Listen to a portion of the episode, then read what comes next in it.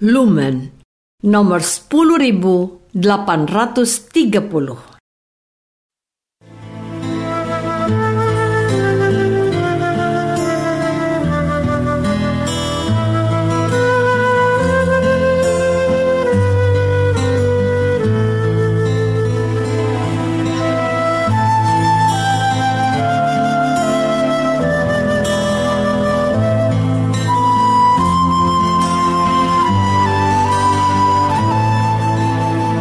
Saudara pendengar di segenap penjuru tanah air, selamat bergabung dengan Lumen Indonesia. Lumen Indonesia siap melayani Anda setiap hari. Saudara terkasih, marilah kita bersatu dalam Tuhan kita Yesus Kristus yang tidak berubah dahulu, sekarang, dan selama-lamanya. Allah Sang Maha Rahim mengasihi dan menerima sebagaimana adanya kita Allah Bapa kita di surga senantiasa bersedia menolong, menghibur, dan meneguhkan kita dalam menghadapi segala permasalahan hidup sehari-hari.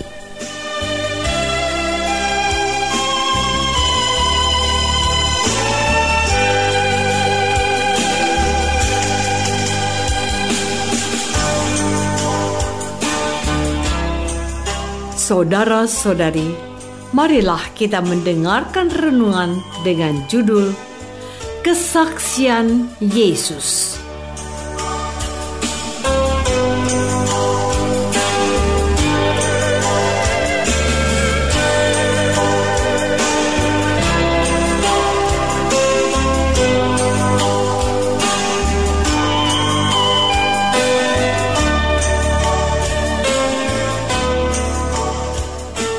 Yang berdasarkan pada Injil Yohanes bab 5 ayat 36a dan 36c.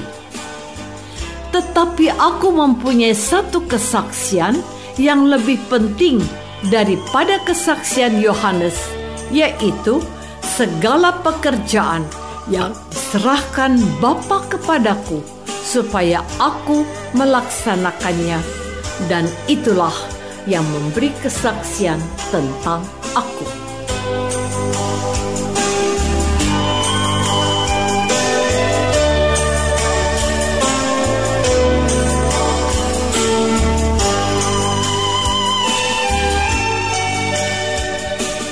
Dalam nama Bapa dan Putra dan Roh Kudus. Amin. Saudara-saudari terkasih dalam nama Tuhan Yesus Kristus. Tuhan Yesus berhadapan dengan orang-orang Yahudi yang tidak senang bahwa dia menyembuhkan orang pada hari Sabat. Mereka juga semakin membenci dia karena Yesus menyebut Allah adalah Bapaknya.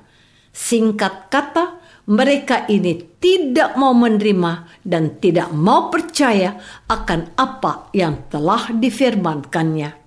Maka Tuhan Yesus memberikan kesaksian bahwa mereka memang tidak dapat ditobatkan dari pendirian keras mereka.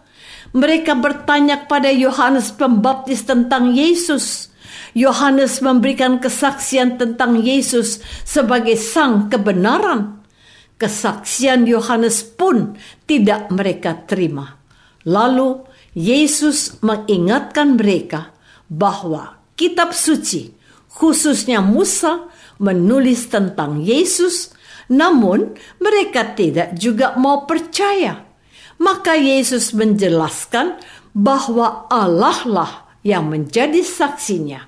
Sabdanya, tetapi aku mempunyai satu kesaksian yang lebih penting daripada kesaksian Yohanes, yaitu segala pekerjaan yang diserahkan Bapa kepadaku supaya aku melaksanakannya. Dan itulah yang memberi kesaksian tentang aku. Pekerjaan-pekerjaan Tuhan Yesus adalah mujizat-mujizat. Belas kasihnya dan kepeduliannya kepada orang-orang Israel. Saudara-saudari terkasih, Adapun tujuan kesaksian Yesus tentang dirinya adalah ini. Aku mengatakan hal ini supaya kamu diselamatkan. Yohanes bab 5 ayat 34b. Keselamatan yang ditawarkan oleh Yesus berasal dari kehendak Bapa yang menghendaki kebaikan semua orang. Yesus menyembuhkan orang yang sakit di kolam Bethesda karena orang itu ingin sembuh. Betapa bahagianya orang yang disembuhkan itu. Ketika Tuhan Yesus mengubah air menjadi anggur di Kana sebagai tandanya yang pertama, lihatlah reaksi pemimpin pesta yang nyaris kehilangan muka karena kehabisan anggur. Katanya kepada mempelai laki-laki, setiap orang menghidangkan yang baik dahulu, dan sesudah orang puas minum, barulah yang kurang baik. Akan tetapi, engkau menyimpan anggur yang baik sampai sekarang.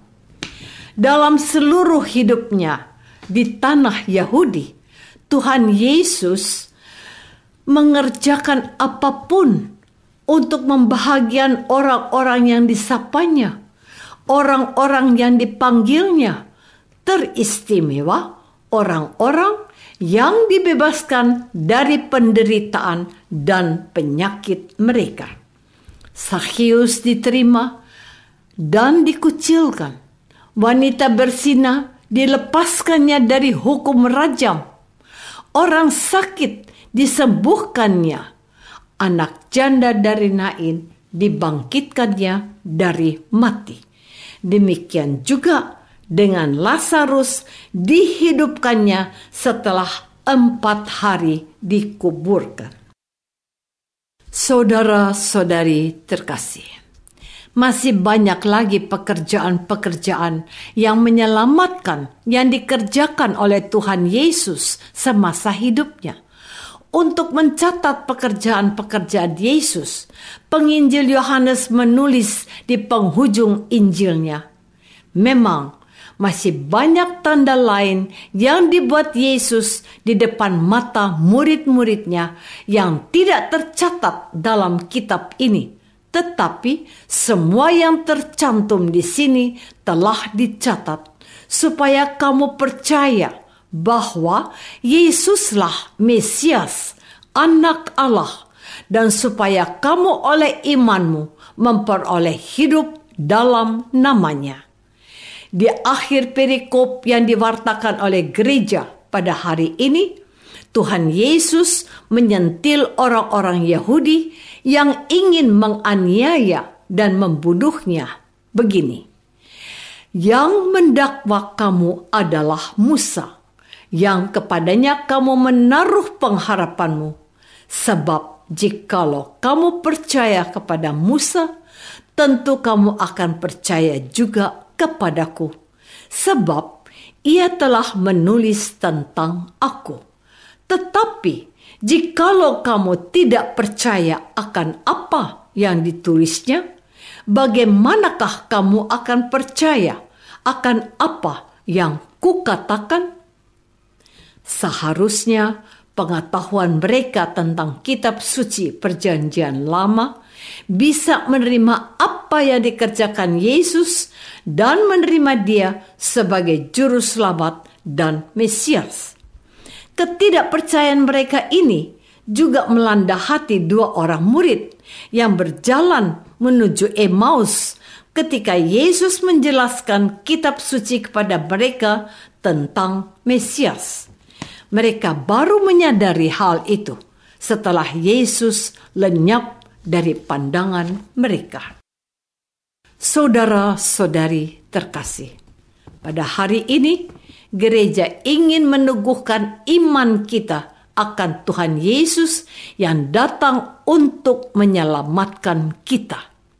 Tuhan Yesus menghendaki kita menerima Dia dan percaya hanya kepadanya Sebaliknya kita diharapkan menjauhi sifat degil orang-orang Yahudi yang tidak mau menerima dan tidak mau percaya kepada Yesus sebagai Mesias, anak Allah. Percaya kepada Tuhan Yesus sebagai juru selamat adalah pintu keselamatan bagi setiap orang Kristen, Anda dan saya. Kepercayaan itu merupakan salah satu sikap iman. Setiap orang Kristen berkat sikap itu kita menghadapi masa depan yang tidak pasti dengan keteguhan karena mengandalkan Allah, batu karang yang kokoh, serta mengandalkan tindakan definitif Allah yang melalui Yesus yang telah mengalahkan maut. Maka pada masa prapaskah ini, iman dan kepercayaan kita akan Yesus yang menderita dan disalibkan bukan saja untuk direnungkan, melainkan terutama untuk membangkitkan kepercayaan kita kepada Yesus yang dapat kita andalkan. Sebab Yesus bukan saja dapat menghidupkan orang mati, tetapi dia sendiri bangkit dari mati sebagai contoh dan harapan bagi semua orang yang percaya dan mengandalkan dia. Penolakan dan kebencian oleh orang Yahudi kepada Yesus telah mendatangkan rahmat bagi kita yang percaya kepadanya kita tidak akan mati, tetapi memperoleh hidup seperti Kristus sendiri dibangkitkan Bapa.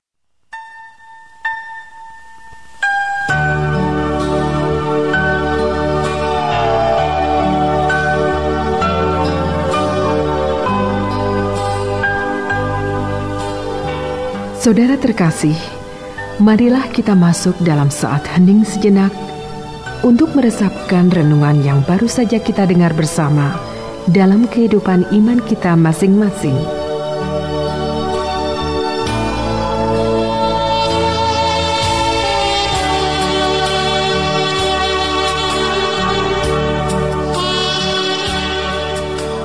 Apakah aku akan tetap percaya dan mengandalkan Yesus sekalipun ada penolakan? Apakah aku tetap mengasihi dan menjadi berkat sekalipun tidak dihargai?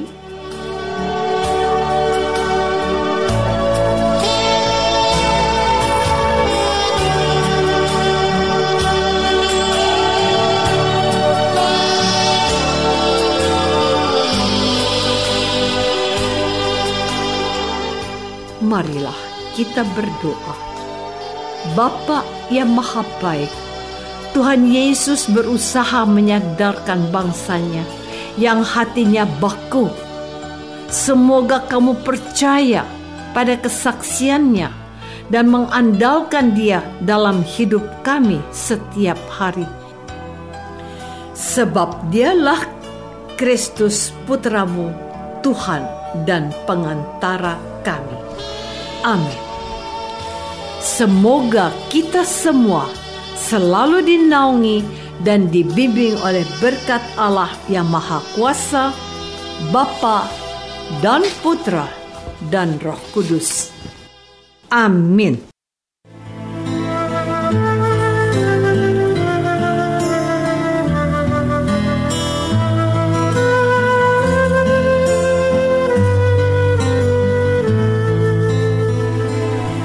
Dengan penuh kasih dan sukacita, Lumen Indonesia mengundang saudara-saudara seiman di segenap penjuru tanah air. Sekiranya ada tanggapan ataupun saran, kirimkan surat Anda ke Lumen Indonesia. Terima kasih atas perhatian Anda. Sampai berjumpa lagi dengan Lumen Indonesia pada waktu dan gelombang yang sama esok hari.